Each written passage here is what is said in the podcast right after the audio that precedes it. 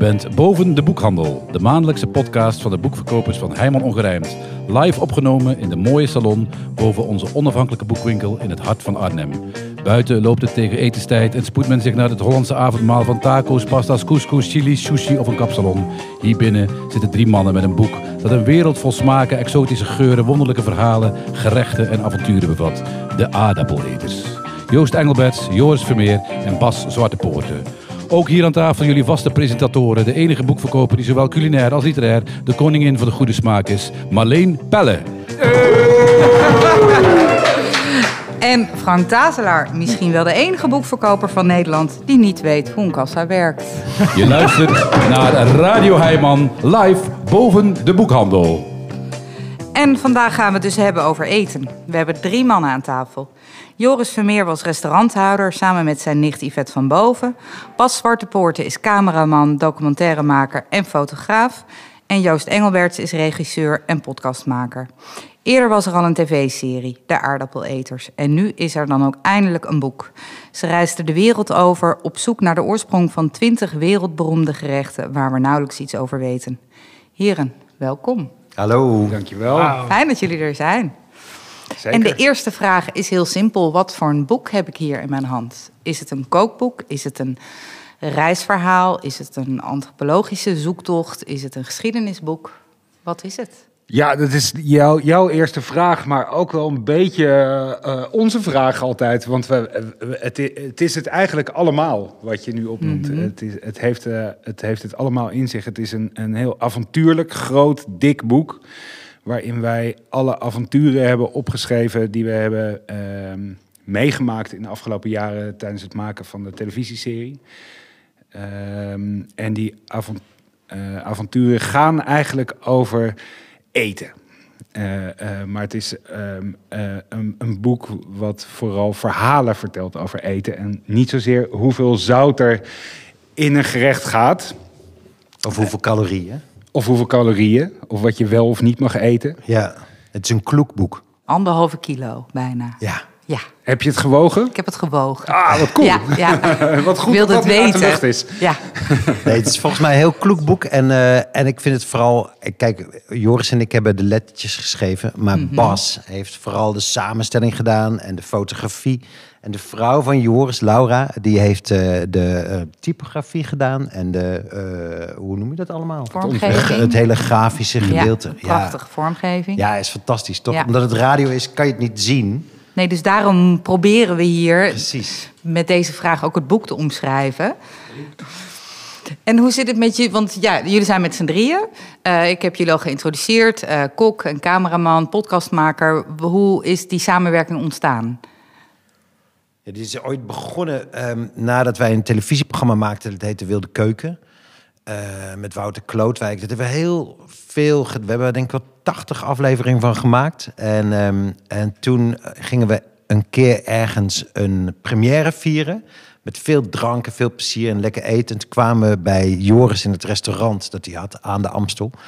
En daar hebben we zo lekker gegeten. En Joris was zo charmant en die was zo gaaf. Dat we dachten, hallo, hier loopt gewoon de, de nieuwe rockster van de Nederlandse televisie rond.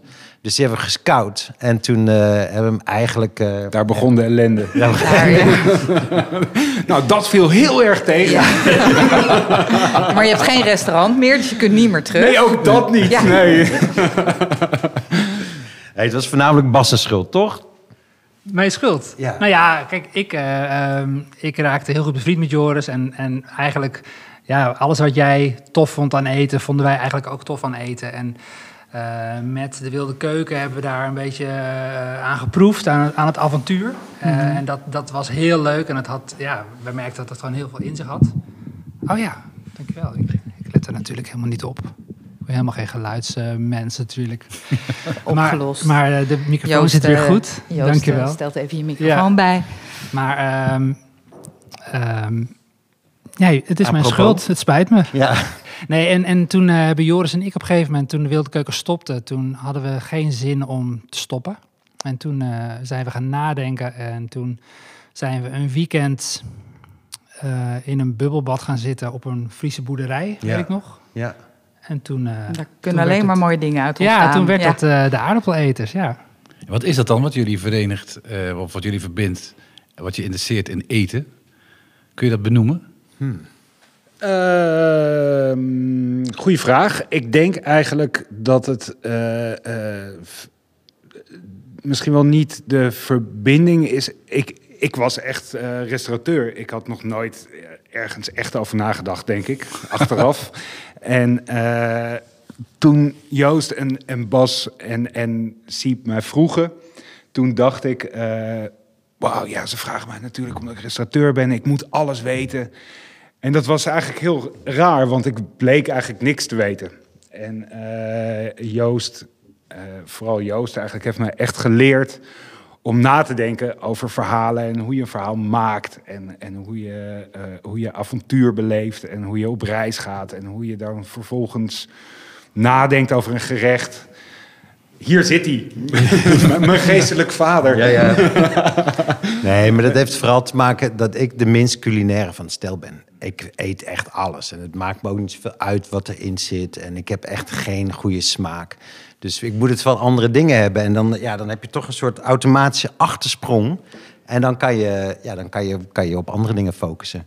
De mannen van een goede smaak, die zitten gewoon, eh, daar zit ik nu tussenin, zeg maar. Ja, en zijn dat, is ook en, eh, wat ons bindt, denk ik. De, de, de, de kracht van het programma is... Ik kijk er nog steeds zelf ook met heel veel plezier naar. Omdat het een programma is, denk ik, misschien wel het enige programma... wat niet gaat over zout of over...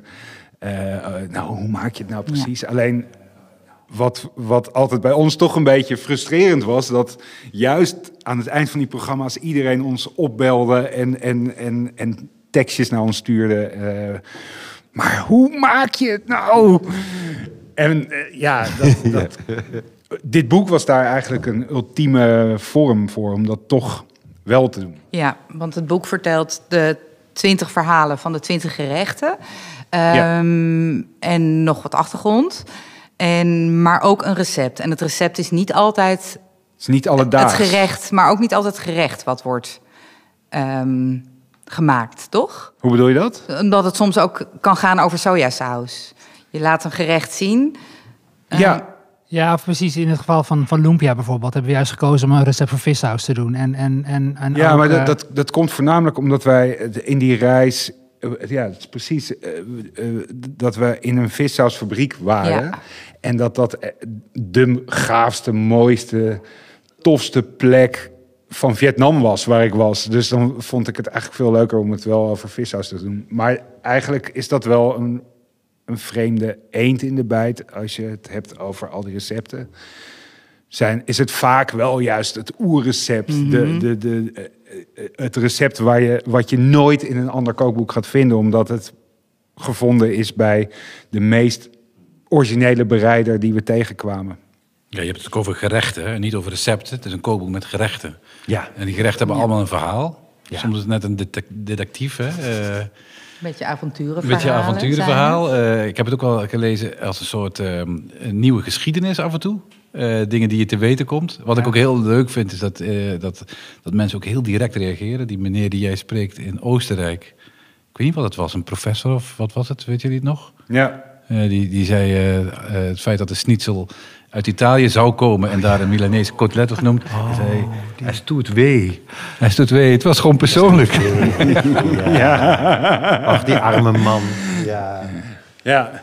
Dieter Pol. Dieter Oh ja. Pol, Dieter ja, ja. ja, ja. We, we, gingen alle, allemaal echt met ge- ge- gekromde rug terug de auto in. We voelden gewoon dat leed van die man die zijn hele leven verbonden heeft aan het ontrafelen van het schnitzelmysterie. Ja, we hebben daar nog een grap op gemaakt een keer. Toen hebben we in de kranten laten schrijven dat... eh, tenminste, dat had ik gewoon geschreven... dat de, dat, eh, de schnitzel uit de Achterhoek komt. Oh ja, ja. Ja. en het kwam omdat schnitzel, dat komt... Zei, dat legde die meneer ons uit, die arme oude meneer... die, eh, die onder het standbeeld stond van... eh, van wie was dat ook weer? Die, eh, van Radetzky. Radetzky. Ja. Stond ons standbeeld en die legde ons uit... dat het schnitzel, dat komt van schniet, van snijdsel... en dat is afsnijdsel.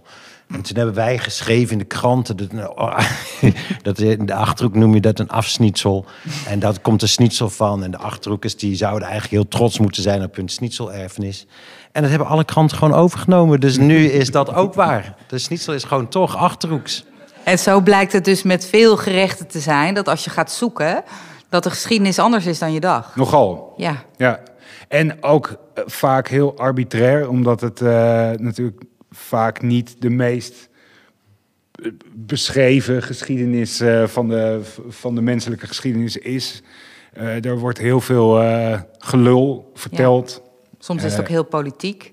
De paella Ja. is door Franco eigenlijk eh, uitgeroepen tot nationaal gerecht. En er Ja. werden eh, ingrediënten met andere kleuren ingestopt, zodat het de kleuren van de Spaanse vlag Ja, had, bijvoorbeeld. Dat vond ik wel. Ik vond ik ook wel ontluisterend. Omdat je als consument denkt dat dat is het eten van Spanje, maar dat is bedacht en nog niet, niet eens zo heel lang geleden. Dus. Nee, dat is echt, als je het over recente geschiedenis hebt, is dat echt gewoon, ja, het is, je kunt het je niet voorstellen. Wij wisten dat eigenlijk ook niet toen we eh, op reis gingen. Van de paella, nee. Nee. Dat je door Franco eh, op die manier op de kaart zet ook niet mee.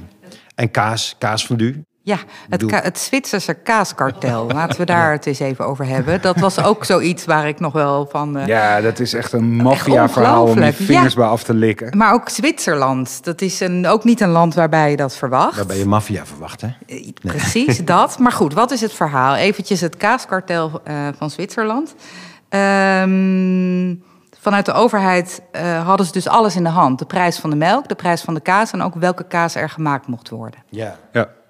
Ja, we hebben toen Dominique Vlammer gesproken. Dat is zo'n, eh, die, die man heeft het aller, aller, allerdikste boek geschreven ter wereld over kaas, denk ik. Wat een held. Super, ja, ja, super gaaf. Ja. Maar hij wist, hij wist er heel veel van. En hij, hij vergeleek het met het oude Sovjet-systeem. Hij Ja. zegt, het was zo, ehm, ze hadden het zo onder controle. En ze hebben toen zeg maar drie kazen hebben ze tot de nationale kazen uitgeroepen. En daarmee eigenlijk alle kleine kaasboeren gedwongen om die kazen te maken. En daarmee eh, nou ja, de hele Zwitserse kaascultuur om zeep geholpen. En toen was het een Duitse, god betert, Duitser ergens uit Hamburg, die naar Zwitserland is gegaan en daar in zijn eentje heeft geprobeerd, de man heette Flo, en zijn eentje heeft geprobeerd om die oude kaascultuur, die Zwitserse kaascultuur weer een klein beetje eh, ja, in leven te roepen. En hij noemde zichzelf ook een kaasrebel. En ehm, dat, nou ja, hij, hij heeft dat ook, eh, een kaasrebel, je verzint het niet. Maar hij was ook echt een revolutionair, zo rook hij ook. En... ehm, Een echte Maar- rebel, hè? Ja. nou, ja, precies. En hij heeft het tegen, nou ja, tegen die grootmacht opgenomen en uiteindelijk gezegevierd. En hij is wereldkampioen kaasmaker Ja. geworden. En, eh, en dat doet hij nog steeds. Het is wel echt een vet verhaal. En hij heeft onder in zo'n geheime grot, onder een enorme stuwdam... heeft hij dan een klein kaaskeldertje... waar hij zijn wereldkampioenschap kaas heeft opgeslagen. En dat is hij heel, eh, heel leuk en heel duur Ja. over. Ja, is een fantastisch Ja. verhaal. Ja. En wij eten dus nu allemaal kaasfondue... omdat er een enorme kaasberg was in Zwitserland. Ja, en, ook omdat kaas die niet meer goed is, die eigenlijk enorm stinkt, als je die verhit, dan gaat die, die stank weg en dan kan je hem gewoon eten. Dus het is, het is eigenlijk een hele duurzame manier Ja. om die kaasproductie een beetje goed weg te zetten, zeg maar. Maar het was ook, ook de berg Ja. die ze, eh, die, die kaasberg die na alle oorlogen. eh, Zwitsers zijn al heel erg lang goed in kaas verkopen over, over het hele continent. En, Zegt die Zwitser, hè? Echt de typische Zwitser. Ja. En ehm, de- toen over het hele continent allemaal oorlogen waren en eigenlijk niemand meer echt zat te wachten op een stukje kaas, bleven die boeren gewoon allemaal maar produceren. En die, de- dat zeg je heel goed, het werd letterlijk gewoon een soort kaasberg. En, en toen hebben de Zwitsers eigenlijk kaasfondue gewoon groot gemaakt. Ze- o- Om Ja. te zorgen dat ze niet meer stukjes kaas gingen verkopen, maar dat ze gewoon kaas Kilo's per per- emmer ja. eh, bij de mensen naar binnen konden schuiven. En dat, is, Ja. eh, dat hebben ze eh, slim gedaan, want nu doet iedereen dat thuis braaf met een pannetje en een stokbroodje. Ja, ja, en er staat een prachtig recept in. Want in, ook in dit geval heb je niet gekozen voor een recept van kaasfondue, want dat kennen we wel. Eh, maar van de oerversie, dat is de kaassoep. Ja. Over avonturen gesproken. Ehm, in onze podcast hebben we elke keer een avontuur van de boekverkoper. Reken maar dat dat hier ook plaatsvindt. En deze keer nemen we jullie mee naar hoe Valentijn de koffiemachine schoonmaakt. En dan nu, een nieuw avontuur van de boekverkopers van Heijman Ongerijmd. Oké, we gaan het uh, koffiezetapparaat schoonmaken. Aan mij uh, die eer elke zondag. Als eerste uh, vullen we de watertank.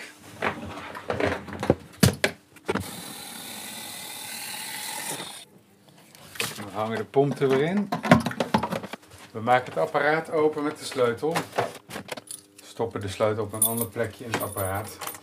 En verwijderen vervolgens de lekbak. En maken deze schoon onder de kraan. Vervolgens haal ik de proefbak eruit met de koffiedrap. Die gaat in de prullenbak.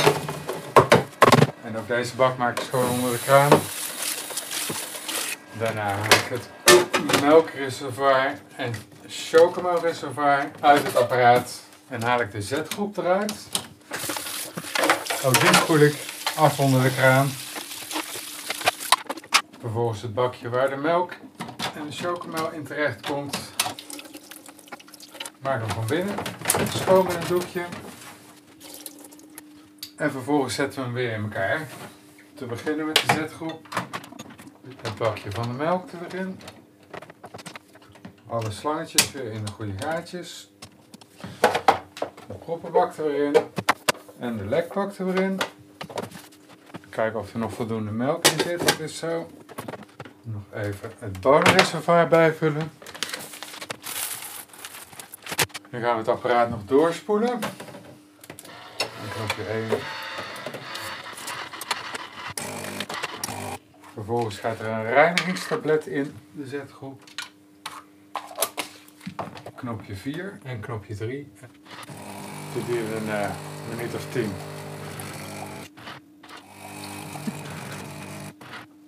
En klaar is die. Het vieze water kan weg. Sleuteltje eruit. Deurtje dicht. Sleuteltje erin. Hij kan opwarmen. En hij is weer klaar voor een uh, hele week lekker koffie. Fijn, Valentijn. Dankjewel. Dus de, de Europese geschiedenis of de wereldgeschiedenis aan de hand van, uh, van gerechten. Kun je zeggen dat, dat je soms kan zien dat een gerecht bij nationale identiteit past, typisch is? Daar kom ik natuurlijk al heel snel uit bij friet, maar misschien zijn jullie iets anders tegengekomen. Allemaal? Allemaal. Toch, Bas? Take away.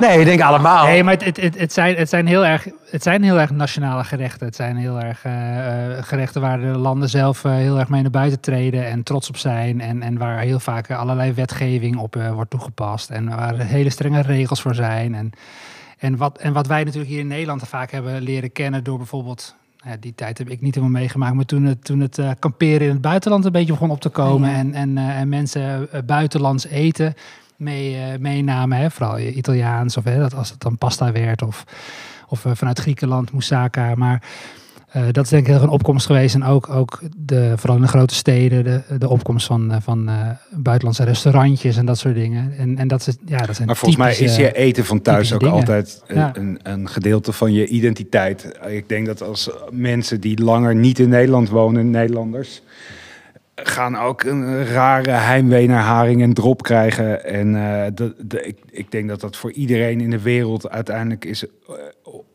is een reden om weer naar huis te gaan, is uh, het eten wat je, wat je van thuis kent. Ja, en gek genoeg merk je in die serie ook heel veel trots hè, bij mensen. Echt trots op een, hmm. op een gerecht.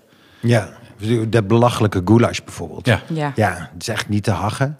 Vind Ja. ik. Nee, het is echt zo- zo'n simpel gerecht. En ik, daar heb ik wel een stukje over geschreven waar ik eigenlijk wel trots op ben. Want het is echt de domste pan van de wereld, die goulashpan. En die hang je dan aan een ketting en dan gaat alles wat lekker is, dat, dat vervliegt op die eindeloze tundra, poesta's, weet ik veel wat ze daar hebben. En het is dat gerecht, dat doen ze dus ook alsof dat de verbinding is dat daar Hongarije groot mee is geworden. En dat is, het is volledig bedacht ook. Dat is helemaal niet oud.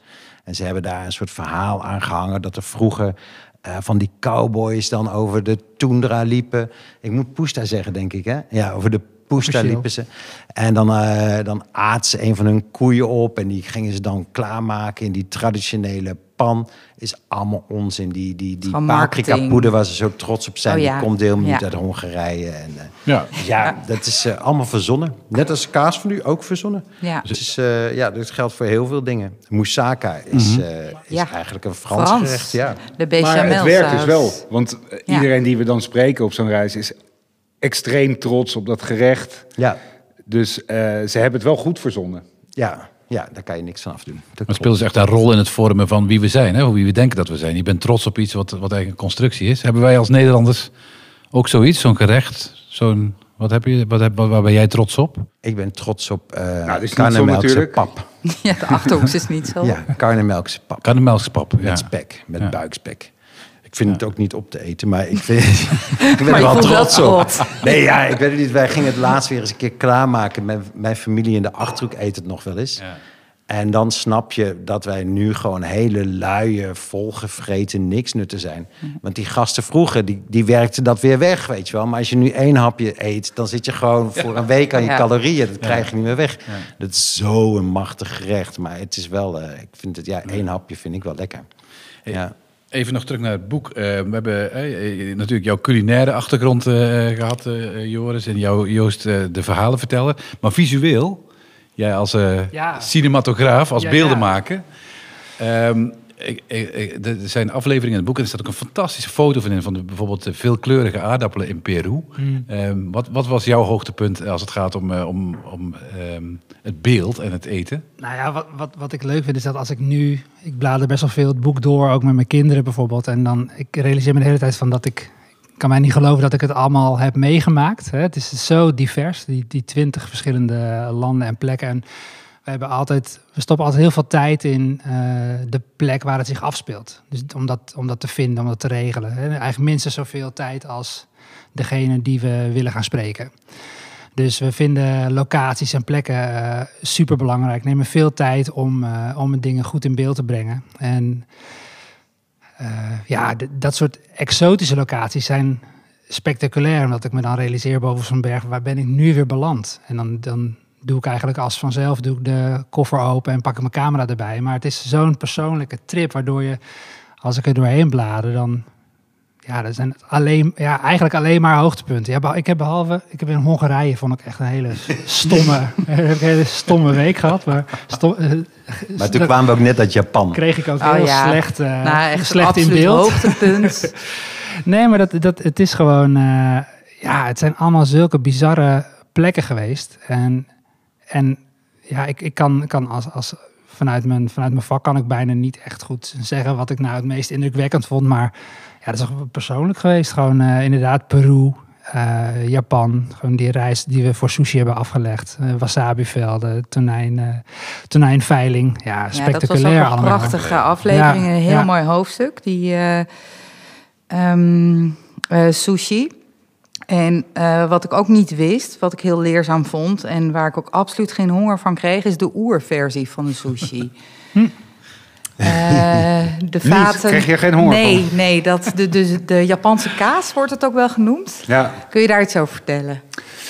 Nou ja, eh, sushi is niet een verzonnen gerecht in de zin dat het eh, inderdaad al eh, heel erg de voorloper van sushi Ja. is echt al heel erg oud. Eh, echt eh, heel erg veel ouder dan de uitvinding van de koelkast. Ehm, en eigenlijk zijn, ligt de oorsprong bij een, een, een meer midden in Japan.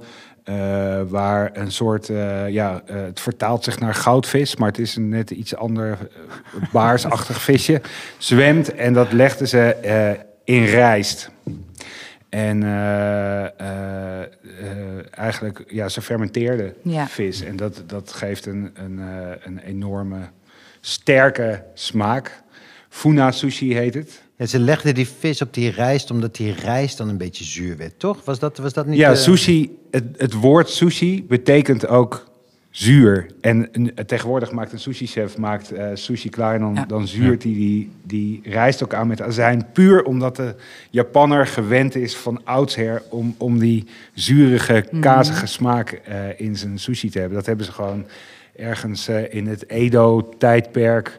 Wanneer was dat ook weer, Joost? Ja, ja, Eh, hebben ze, zijn ze op een gegeven moment, eh, eh, nou, het werd langzaam, konden ze ijsblokken in, in grotten leggen en konden ze sneller gaan vervoeren en werd het mogelijk Ja. om, om vis vers Maar wat super vet was daar bij dat Edelmeer, was dat je, je had daar, wij gingen daar kijken. En, ehm, en daar, die, die, die man die dat deed, het is de enige die dat in Japan nog doet, die, die mocht er als enige naar binnen. Zijn vrouw mocht er ook niet in, zijn kinderen mochten er niet in, mocht alleen maar hij komen. Maar toen kwamen wij, we zeiden, ja, we moeten er wel filmen, want anders dan hebben we geen verhaal. Dus mochten we bij gratie gods, mochten we daar naar binnen. En dat kwam omdat hij had daar in die ruimte... dat het allemaal van die zwarte plekjes die je ook wel eens in de badkamer ziet... die zaten daar op, de, op het plafond en op de muren. Ja, schimmel. En hij zegt, ja, dat zijn mijn voorouders. Die zitten daar al generaties. Zitten die schimmel zit daar tegen de muren. En als wij daar komen met onze zure Hollandse huid...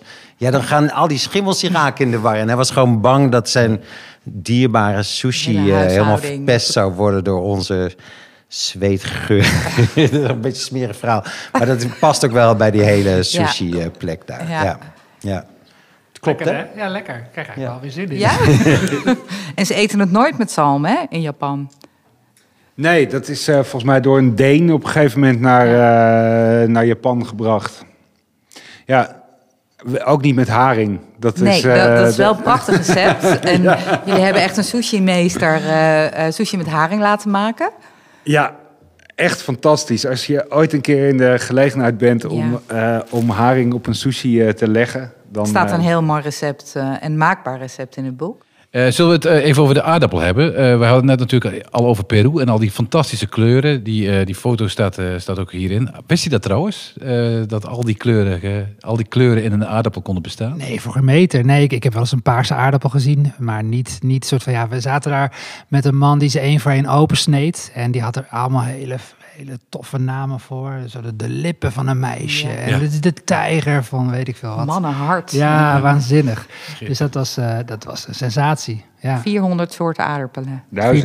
4000. Ja, 4000. Ja, Ja, ja. ja. Ik vond 400 al niet overzien. En allemaal 4000. even lekker. Ja, en ze groeien ook gewoon in het wild daar. Welke aardappel gebruik jij het liefst voor de friet, eh, Joris? Ehm, ja, goede vraag. Ik heb geen idee.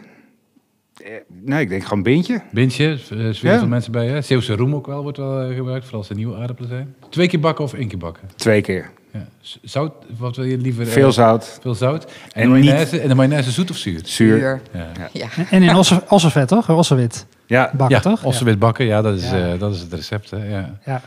Je had, die, je had die, die friet op in Peru en toen eh, ehm, had je mayonaise mee uit een, eh, een Oh, ja. zakje. Hè? Ja. ja, we moesten wel iets teruggeven Ja. aan de, Er de natuurlijk op camera werd er wel beleefd op gereageerd, maar hoe vonden ze het echt, denk je? Die combinatie eh, Eh, mayonaise Ze en aardappel. vonden het echt heel raar.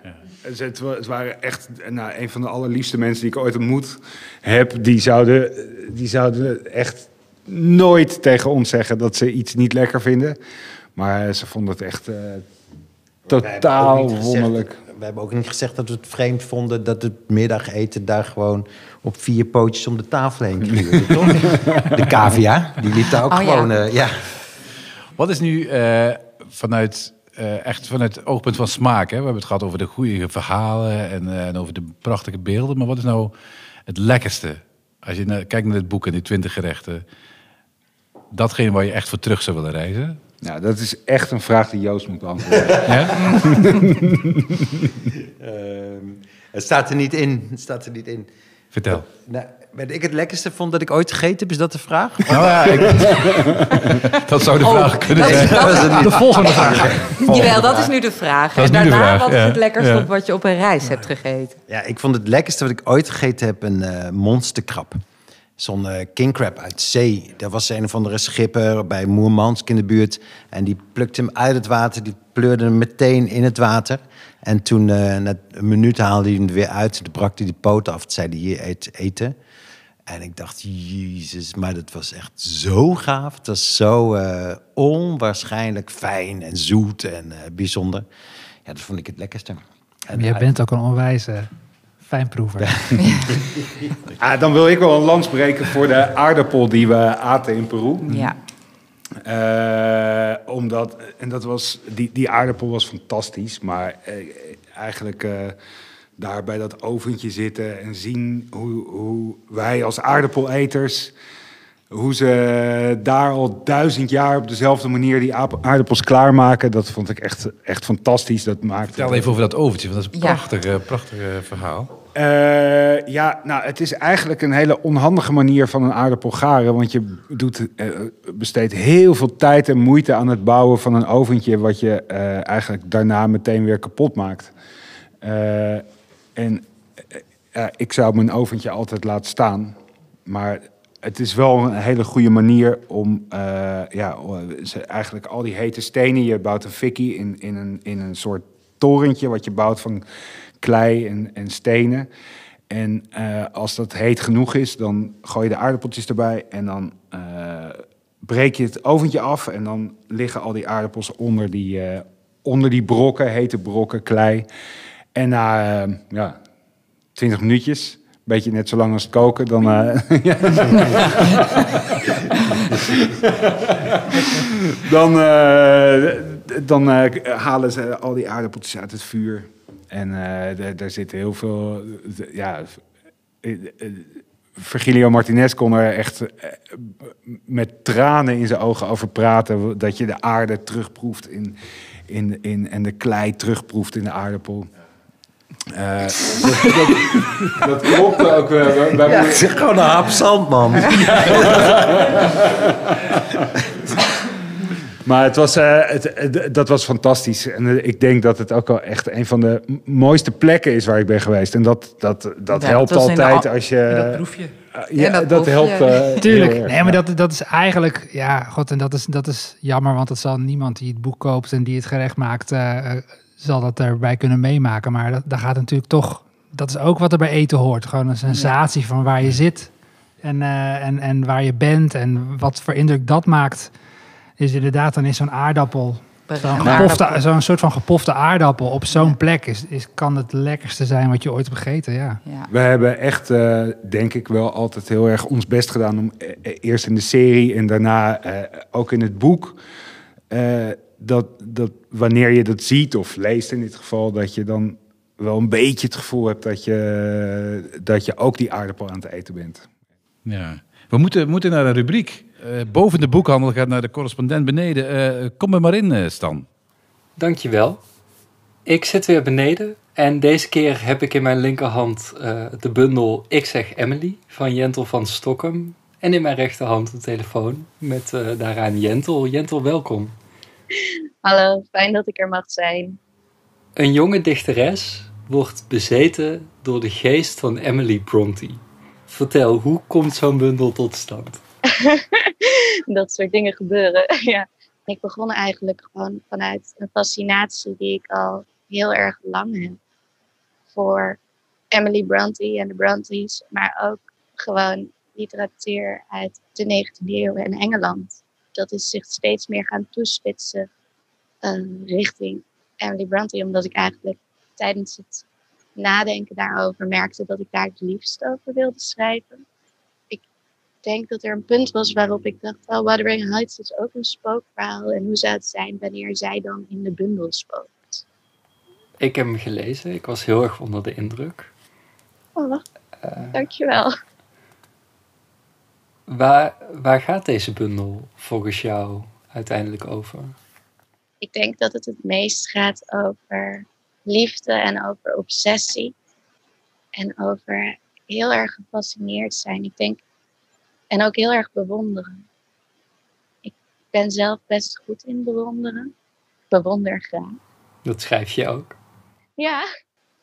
Voor mij gaat het daar heel erg over. En de grens tussen bewondering en liefde. En heel erg dicht bij iemand willen komen.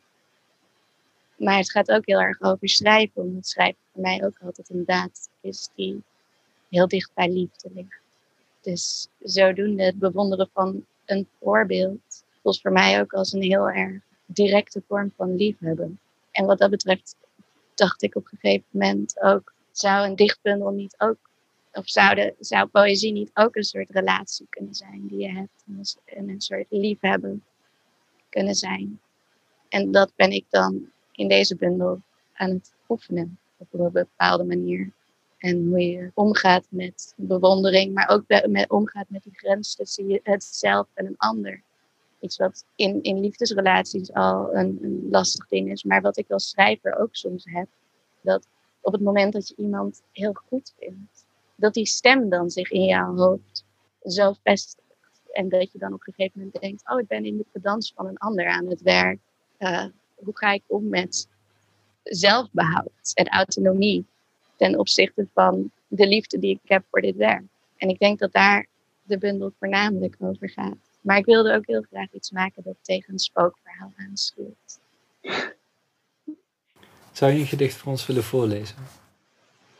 Dit is een gedicht waarin ik Heathcliff ben. Het was niet de bedoeling.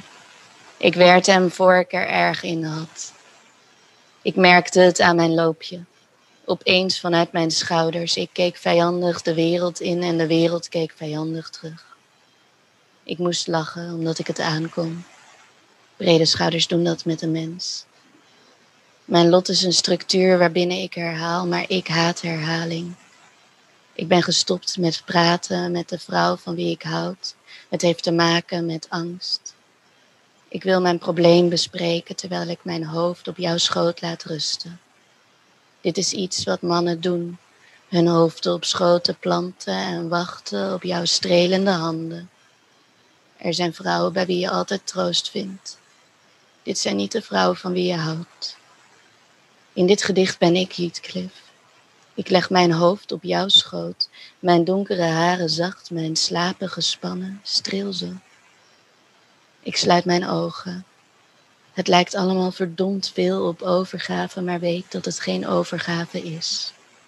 Ik zal kwetsbaar zijn, zoals de rotsen waarop jij kapot slaat kwetsbaar zijn. Ze vragen me of ik slecht slaap. Ik slaap slecht. Dit heeft te maken met schuld. Ik kan nachten door een woest landschap dwalen. Dauw blijft aan mij kleven zoals mijn zonde het zou kunnen dat ik waanzinnig ben. Mijn waanzin maakt mij aantrekkelijk. Mijn waanzin zorgt ervoor dat jij over mij droomt. In jouw dromen ben jij de reden voor mijn waanzin. Wat een macht. Je wordt kreunend wakker, de lakens nat, de huid tussen je benen kleeft. Ik zal je vragen bij mij te blijven. Steeds wanneer je denkt dat je mij kunt vergeten, zal ik het vragen. Je zal denken dat wij bij elkaar horen. Het is een misvatting. Mensen horen zelden bij andere mensen. Dankjewel. Het debuut van Jentel van Stockholm, Ik zeg Emily, is nu te koop bij onder andere Heijman Ongerijmd. Terug naar boven. En dankjewel, Stan. Um, je kunt een heleboel vragen verzinnen. Wij kunnen een heleboel vragen verzinnen, maar we kunnen ze ook gewoon uit boeken halen. Wij leggen jullie nu alle drie uh, twee auteurs voor. Uh, je moet kiezen en die auteur gaat je een vraag stellen. En ik begin bij Bas. Uh, jij mag kiezen tussen Jotam Ottolenghi of Walter Benjamin. Nou, dan wil ik wel eens een keer een vraag horen van de best verkopende boek, boek, kookboekenmaker van de wereld. Oké. Okay. Uh, dit komt uit Flavor, uh, pagina 12. En de vraag luidt: waarom ben je God betert geen chef-kok? Dat is echt een goede vraag. Hè? En die stelt hij aan mij, hè? nou, ik, ik, moet, ik heb uh, twee hele goede vrienden opgedaan in de tijd dat ik wel in een keuken werkte. En dat was heel erg leuk toen het gezellig was. En toen kwam er een echte chef werken. En toen dacht ik, met zo'n man wil ik echt nooit meer in één ruimte zijn. Uh, omdat ik alles moest doen wat hij me opdroeg. En nu heb ik gewoon een perfecte baan gevonden om weer in één ruimte met zo'n man te komen. En uh, te zeggen tegen hem wat hij ja, moet doen. Ja, ja. dus het was de hiërarchie waar die uh, heeft toen... Ja, het werd er extreem ongezellig van. En dat, dat, daar hou ik niet van. Dus, dus ik heb het grappig genoeg wel echt geprobeerd. Okay. Niet gedacht dat ik chef zou worden, maar ik heb wel in, met plezier in keukens gewerkt. Ehm, en toen het nog gezellig was, die jongens waarmee ik toen werkte, zijn nog steeds hele goede vrienden. Maar eh, nee, daarom ben ik geen chef-kok geworden. Ja, duidelijk. Dankjewel. Ja. Joost, voor jou. Roald Daal of de aardappeleters? Doe maar Roald Dahl. Roald Daal vraagt in De Grote Vriendelijke Reus op bladzijde 109... eh, hoe heb je jezelf zo schrijven geleerd? Aha. Nou, ik moest ooit eens een keer een. eh, eh, er, was, er, er waren een stelletje Zweden die kwamen in Amsterdam. En die zeiden: Wij gaan een gratis krantje beginnen. Maar wij kunnen geen Nederlands. Zou jij voor ons dat krantje willen redigeren? En dat was de metro. En toen eh, keek ik erin en toen hadden ze eigenlijk alles goed gedaan. Dus die lui die spraken geen Nederlands. Maar of Nederlands is zo eenvoudig of die lui waren zo briljant. En eh, toen zeiden ze, het enige wat wij niet kunnen is een column schrijven. Wil jij dat doen? En toen heb ik dat gedaan. En eh, daarom ben ik ooit gaan schrijven. En ik vond het heel erg leuk. Dus je bent begonnen als columnist.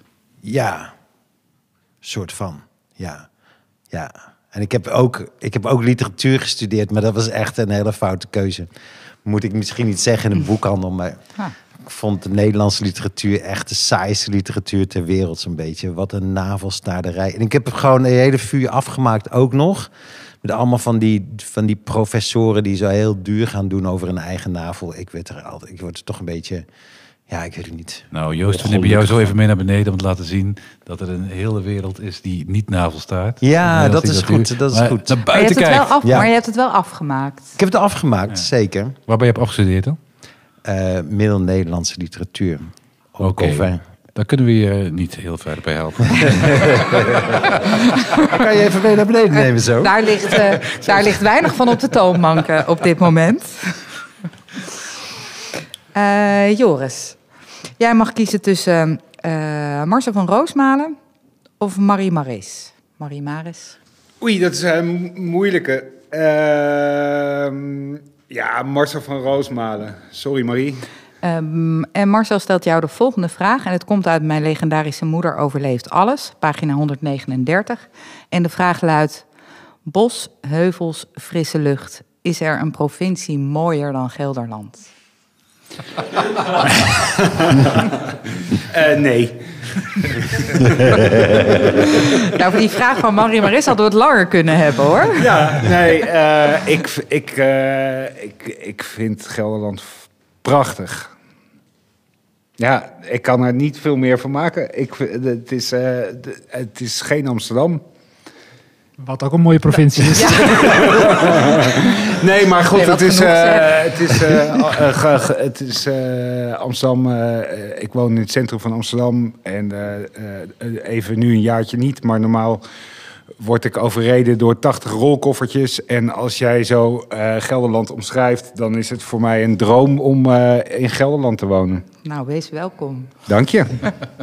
Hey, ik wil even toch terug naar de vraag die in jullie eigen boek stond, die wij hebben gekozen. Deze, Ja. deze lijst die, die wordt steeds langer en die gebruiken we dus ook bij de volgende gast. Wat leuk. Ehm, Maar deze vragen die zijn dus eh, gesteld. ehm, in jullie eh, boek stond een vraag. ehm, De ongestelde vraag. Een ongestelde vraag. Op bladzijde 30. Wat als er iets met de auto gebeurt, hoe lang houden we het dan uit? Ehm, eh, jullie hebben best wel met elkaar opgescheept gezeten natuurlijk. Lange reizen. Ehm, Ja. Hoe was dat om zo intensief samen te werken en dan uiteindelijk ehm, zo'n boek te maken? Eh, Bas? Ja, over het algemeen wel echt grandioos. We hebben, we hebben met z'n vier hebben we de tv-serie gemaakt. Uh, Sibren Hodes was onze producer en ook geluidsman op reis. En wat eigenlijk wel grandioos was, is dat, we, dat het zelden misging. We, we slapen altijd lekker op een eigen kamer. We zitten eigenlijk in vliegtuigen zelden naast elkaar. We zitten altijd in aparte vliegtuigen. Het is eigenlijk heel goed te doen. En Zo. Joost land op Le- Lelystad, ik op Schiphol. Het is allemaal gaat prima. Altijd verschillende taxis. Welke band was dat ook alweer? Die was op het podium Rolling bij Stones. elkaar. Precies, Ja, dat. Ja. Ja. Nee, ja, dus, dus, dus ehm, we, we zorgen heel goed dat we het met elkaar uithouden. Maar we zijn ook gewoon ja, zulke goede vrienden geworden. Gewoon door, de, door alle reizen heen. En door alles wat je samen meemaakt. En doordat je inderdaad natuurlijk met, met z'n allen gewoon zeker, zeker twee weken per reis eh, op elkaars lip zit. En soms ook gewoon met z'n allen in het ruim van een schip moet slapen of, of eh, in een hangmat. Dus ja, er zijn eigenlijk niet veel kennen. andere mensen eh, die ik me in mijn leven kan herinneren met wie ik sowieso twee weken op reis kan. Eh, zonder dat ze in ieder geval mij uitkotsen. Maar eh, de- de- ja, dat is, het, het bandgevoel is eh, wel eh, overheerst in alles. Als we allemaal later in een rolstoel zitten en, en met een kweldraad en Ja. oud zijn, dan, dan denk ik wel alleen maar terug aan de band waar ik ooit in zat. Ja, dat straalt het hele boek ook uit, hè? Ja. En alle verhalen. En enorm plezier, ook schrijfplezier natuurlijk. En, en, Ja. en beeldplezier en, en, en culinair plezier. Maar er zit echt een, eh, een bandgevoel in het boek ook, vind ik. Ik vind het ontzettend Ja, dat is wel te gek dat dat, het je het ontstaat dus op ja. zo'n reis. Ja, nou ja, en- en het is denk ik ook wel echt een beetje een manier van werken die wij ons eigen hebben gemaakt. En die denk ik wel, ja, van, wel uniek nog steeds is in het maken van een programma. Eh, wij zijn allemaal, eh, ja, dan ook tijdens het maken fulltime verbonden aan het maken van het programma. Waardoor je, waardoor je gewoon de tijd kunt nemen die je nodig hebt. En, en eh zorg dat je, dat je een dagje eerder gaat en uitgerust aankomt. En geen gedoe met met freelancers en dagprijzen en dat soort dingen, wat in, ons, in, de, in de televisiewereld heel, heel normaal is. Ehm, overigens is natuurlijk het, het, maken van een tv-serie ook, ook eh, ons, ons goud geweest om dit boek te kunnen maken natuurlijk. Eh, ook uitzonderlijke situatie. Ehm, maar het is echt, het is echt, ja god, ik heb het al een paar keer per ongeluk een vakantieboek genoemd. Maar het is, het is wel echt, het is echt de ultieme herinnering voor als inderdaad straks in die rolstoel en we bladeren er nog een keer doorheen. We vragen de mantelzorger om de bladzijde om te draaien naar, oh, mag ik nog één keer die, eh, die huilende, huilende cowboy zien? nee, eh, dus dat is ultieme, eh, ja, ultieme herinneringen. Maar ja, ik denk uniek, uniek boek, al zeg ik het zelf. Ja. Dan heb je antwoord op je, op je beginvraag, hè, op je startvraag, hè, Marleen. Eh, het is geen kookboek, het is geen avonturenroman, het is een vakantieboek. Het is een vakantieboek. Een scheurkalender. Ja. Eerst kopen dan scheuren, zou ik zeggen. Het boek allemaal.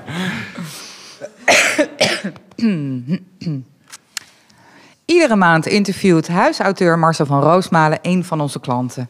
En deze maand liep Marcel op tegen Klaas, een van onze meest trouwe stamgasten. Kom je hier vaker? Ehm, ja, dat kan je wel zeggen, denk ik, ja. ik denk dat ik hier één à twee keer per week kom gemiddeld. En dan ga ik rustig zitten en dan ga ik wat in boeken kijken. En eh, dan koop ik vervolgens veel te veel. Ik denk dat ik nog een voorraad heb voor een 200, 300 jaar. Als ik in een normaal tempo lees. Maar nou ja, het is niet anders. En ik vind het ook wel gezellig, zo'n boekhandel. Ik vind het leuk om in boeken te kijken. Er, eh, er werken hier een, eh, een, een prettig stel mafkezen waar je eh, ja, best gezellig mee kan ouwe hoeren over het algemeen. En dat, dat maakt het gewoon sfeervol. En dan is het gewoon leuk. Dus ik zie dit een beetje als een verlengstuk van, hoe moet je het zeggen? Mijn, mijn, mijn netwerk, mijn familie, whatever. Waar ben je naar op zoek? Ha. Ehm, ik heb veel interesses, dus ik koop eh, boeken op, eh, op vele terreinen. Eigenlijk het meeste, denk ik, geschiedenis. En met name oude geschiedenis, maar ook eh, geschiedenis van Rusland, moderne geschiedenis. Ik koop regelmatig boeken op het gebied van filosofie. Duitse literatuur, Russische literatuur. Veel boeken over de natuur. Ja, ik ben eigenlijk een soort omnivoor, kan je wel zeggen. Wat vind je van deze boekhandel? Nou, dat heb ik eigenlijk al gezegd. Ik vind het een gezellige boekhandel. Het is ook een beetje een traditie. eh. ik was altijd, ik heb filosofie gestudeerd naast geneeskunde. En eh, ik ben begonnen toen eh, Theo nog zijn eigen kleine boekhandeltje had, ongerijmd, daar in Nieuwstad. En vond ik het heel leuk dat er een filosofieboekhandel was en, en boeken over natuur, want dat waren zijn, zijn aandachtsgebieden, samen met poëzie. En toen Theo hier de zaak overnam, begon ik hier te komen. En het werd eigenlijk alleen maar gezelliger. Want Theo alleen was niet zo gezellig als, als, als de meute die ik nu hier aantref. Dus in die zin is de zaak er duidelijk op vooruit gegaan. Niet dat Theo ongezellig is, maar ik bedoel, allemaal jonge mensen, heel, heel verschillend eh, types eh, zie je hier. Dus algemeen is dat wel gezellig. Ik denk dat de meeste van jullie hebben er iets anders naast. Dus voor jullie is het ook een, een, een part-time aangelegenheid. Tenminste voor het merendeel hier. En dat maakt het alleen maar des te gezelliger. Dus dat vind ik leuk. Terug naar boven. Dankjewel, Marcel. Heb je nog wat leuks? Frank, heb je nog wat leuks? Ja, zeker. Ehm, fantastisch eh, ehm, boek heb ik in mijn handen. En eh, ehm, er zijn twee versies. Eh, dit, is de, dit is de paperback. Ik kan hem niet laten zien eh, eh, in de podcast. maar hij is, we hadden het net over een kloek boek. Nou, dit is ook een kloek boek. En er is ook nog een gebonden versie.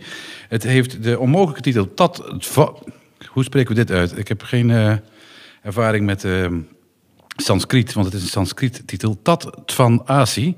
Dat betekent dat ben jij. En dat is een nieuwe bundel van A.L. Snijders. Met ehm, ZKV's zeer korte verhalen.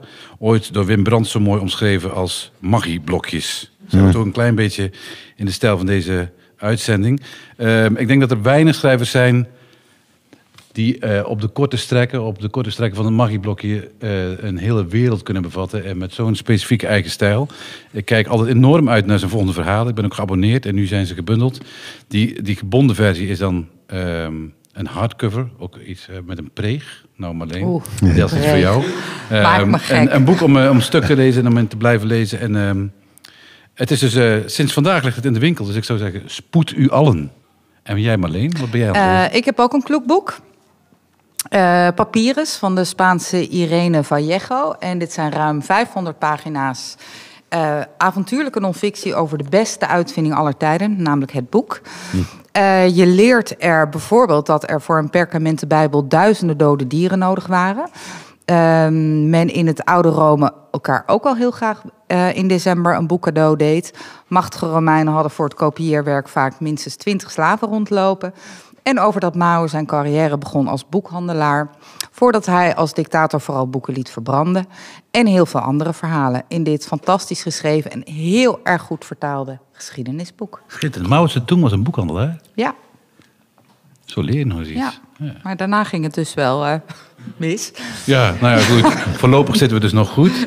Ja. Ik ga nu wel Maar een het is beetje op mijn echt een tellen passen nu ik weer hier in jullie gezelschap zit. Bas, waar ben jij iets aan het lezen? Ik heb eh, afgelopen week een eh, preview gelezen van een boek wat eh, 28 april uitkomt. Ehm, eh, Uitvaart in eigen hand.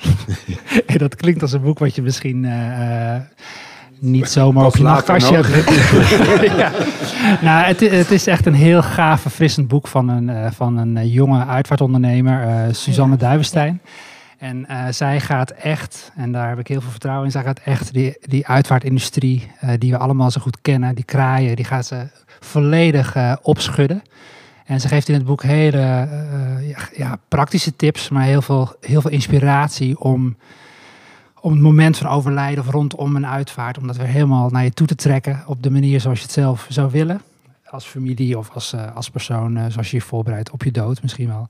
Eh, er staan heel veel, veel vette ehm, ervaringen in, ver- verhalen. Ja, hij heeft heel, heel tof en heeft mij, heeft mij wel echt aan het denken gezet. En dat is, dat is vet, ja. Ja. ja. Jij Joost, wat ben je Ja. lezen? Nou ja, je had het over magieblokjes. Ik, was, ik ben deze week weer aan het lezen in eh 21 gedichten in proza van Baudelaire. Wat ik echt het allervetste boek van de wereld vind. En dat, gaat, dat wordt gewoon nooit oud. Het is volgens mij eh, 150 jaar geleden geschreven of zo, Mhm. zoiets. Ja. Misschien 120 jaar. Maar het is zo gaaf. Er zit zoveel leven in en zoveel, eh, zoveel lol. En ehm, er- elke zin is een mokerslag. Dit En lees jij die in de vertaling van... eh, Er is een, is- er is een vertaling. Er is, ik weet niet meer welke. Het heeft een blauwe buitenkant. Mhm. Misschien is het Menno Wigman. Menno- die Menno Ja, heeft het die is vertaald, ja. net, verschenen. die Echt onwaarschijnlijk. Ja. Mijn vrouw die, is, eh, die spreekt Frans, want die is uit België, uit Mhm. het Franstalige deel. Dus ik kan altijd een klein beetje. Ik kan ook een Ja. beetje Frans. En ik vind het eh, onwaarschijnlijk Ja. gaaf. Ja. Schitterend. Ja, de vertaling van Menno Wigman is ook echt heel erg goed. moet Ja. ik zeggen. Ja. Ja. Mooi. Is net verschenen, toch? Eh, Ja, Marleen? Ja, is net- en eh, bij ons eh, beneden te koop. Beneden te koop, zeker Beneden weten. te koop. Ja, Joris, lees jij iets op dit moment? Eh, ik kan niet lezen. wel schrijven, maar niet lezen. Nee, ehm, ik, eh, eh, ja, eh, Joost is een van mijn absolute heldverhalenvertellers. Maar eh, ik heb er nog één en eh, dat is Richard Kapuscinski.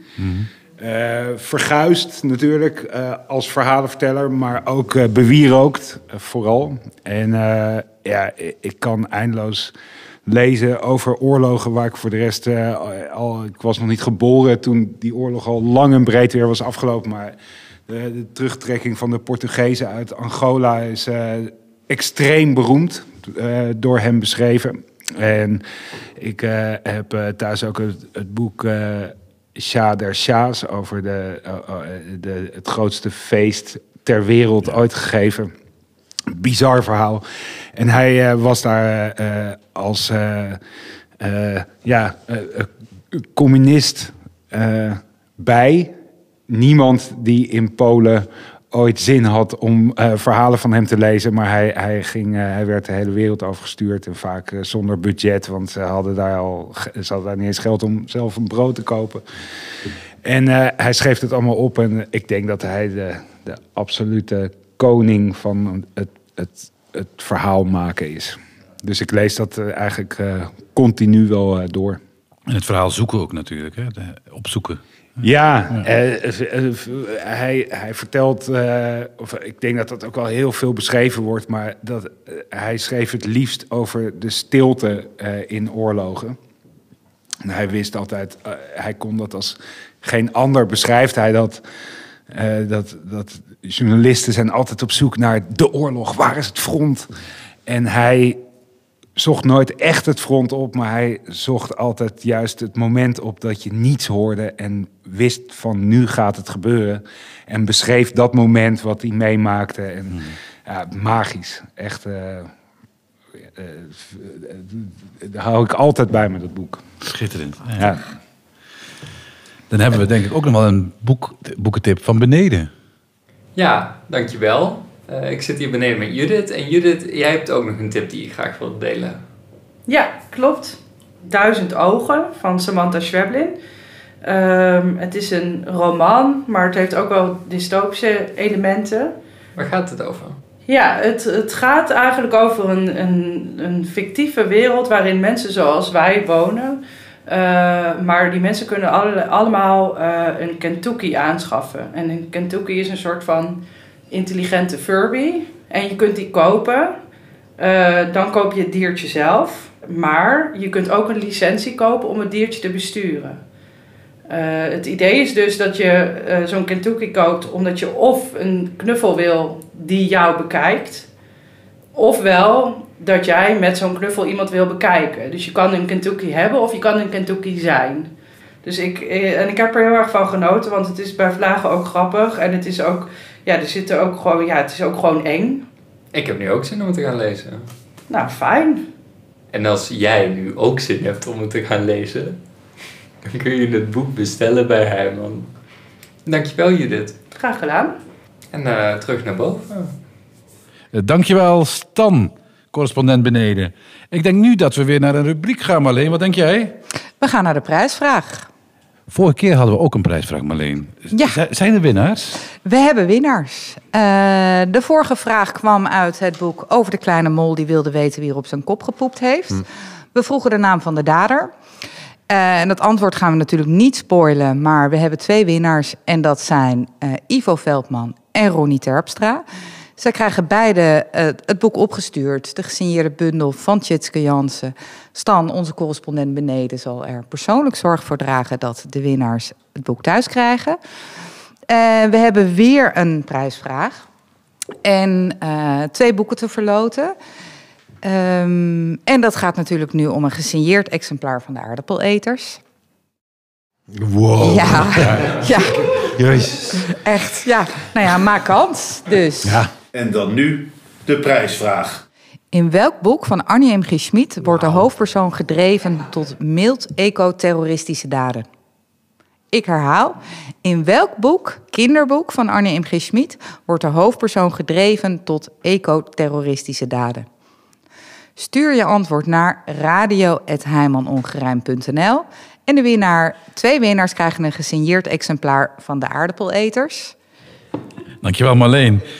Ehm, de serie eh, is eh, afgelopen. Het boek is er nu. Ehm, er komt een volgende reis aan. Stel, waar gaat hij naar naartoe? Waar gaan jullie heen? Als allereerste. Allereerste, Bas.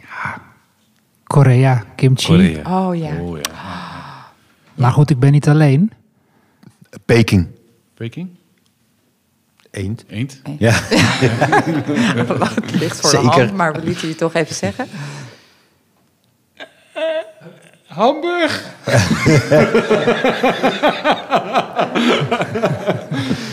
Nee, ja, ik zou ook zeker naar Peking willen. Je stilt hem gewoon van mij, man. Ik wil, ik wil ook naar Peking. We willen jullie super bedanken, eh, jongens, voor eh, jullie aanwezigheid hier. En ehm, voor dit geweldige boek. Ik zal nog één keer laten horen hoe het klinkt. Zo klinkt het. Dat is Ja, fantastisch. Hè? het klinkt mooi, hè? Ja, het Klinkt echt. zo goed. Wat een debuut. Eh, het is een, Wat een wat debuut. ja. en ehm wij Dank gaan jullie de wel. podcast afsluiten. Dankjewel Ja, eh. Bas, Joost en eh, Joris. Het was leuk om er te zijn. En natuurlijk vinden jullie alle genoemde boeken Arnhem. in de, in de beschrijving. En eh, koop bij Heijman Ongerijmd, Grote Oord 15 in Arnhem. Yes. Alle Zeker. dagen open vanaf, eh, vanaf nu. Vanaf nu. Gewoon open. Steun de boekhandel. Gewoon, we zijn gewoon Beste bijna boekhandel altijd van de open. mooiste provincie in Nederland. Ook dat nog, ook dat nog. En tot slot eh, willen we nog een aantal mensen bedanken. Ehm, zullen we het om en om doen, Marleen? Ja, ik zoek even het lijstje te bedanken mensen, maar dan gaan we het om en om doen. We doen het om en om. Ja, We willen heel graag bedanken natuurlijk de debutant van deze maand, Jentel van Stokkem. onze klant Klaas. Klant Klaas. Klant Klaas. Ja, klant Klaas, Klaas was een eh, Vaker. hoogtepunt. Natuurlijk onze huisauteur Marcel van Roosmalen. Frank Tazelaar bedankt. Marleen Pelle bedankt. Aanwezige collega's bedankt. En natuurlijk de aardappeleters bedankt. Dank jullie wel allemaal. Halleluja.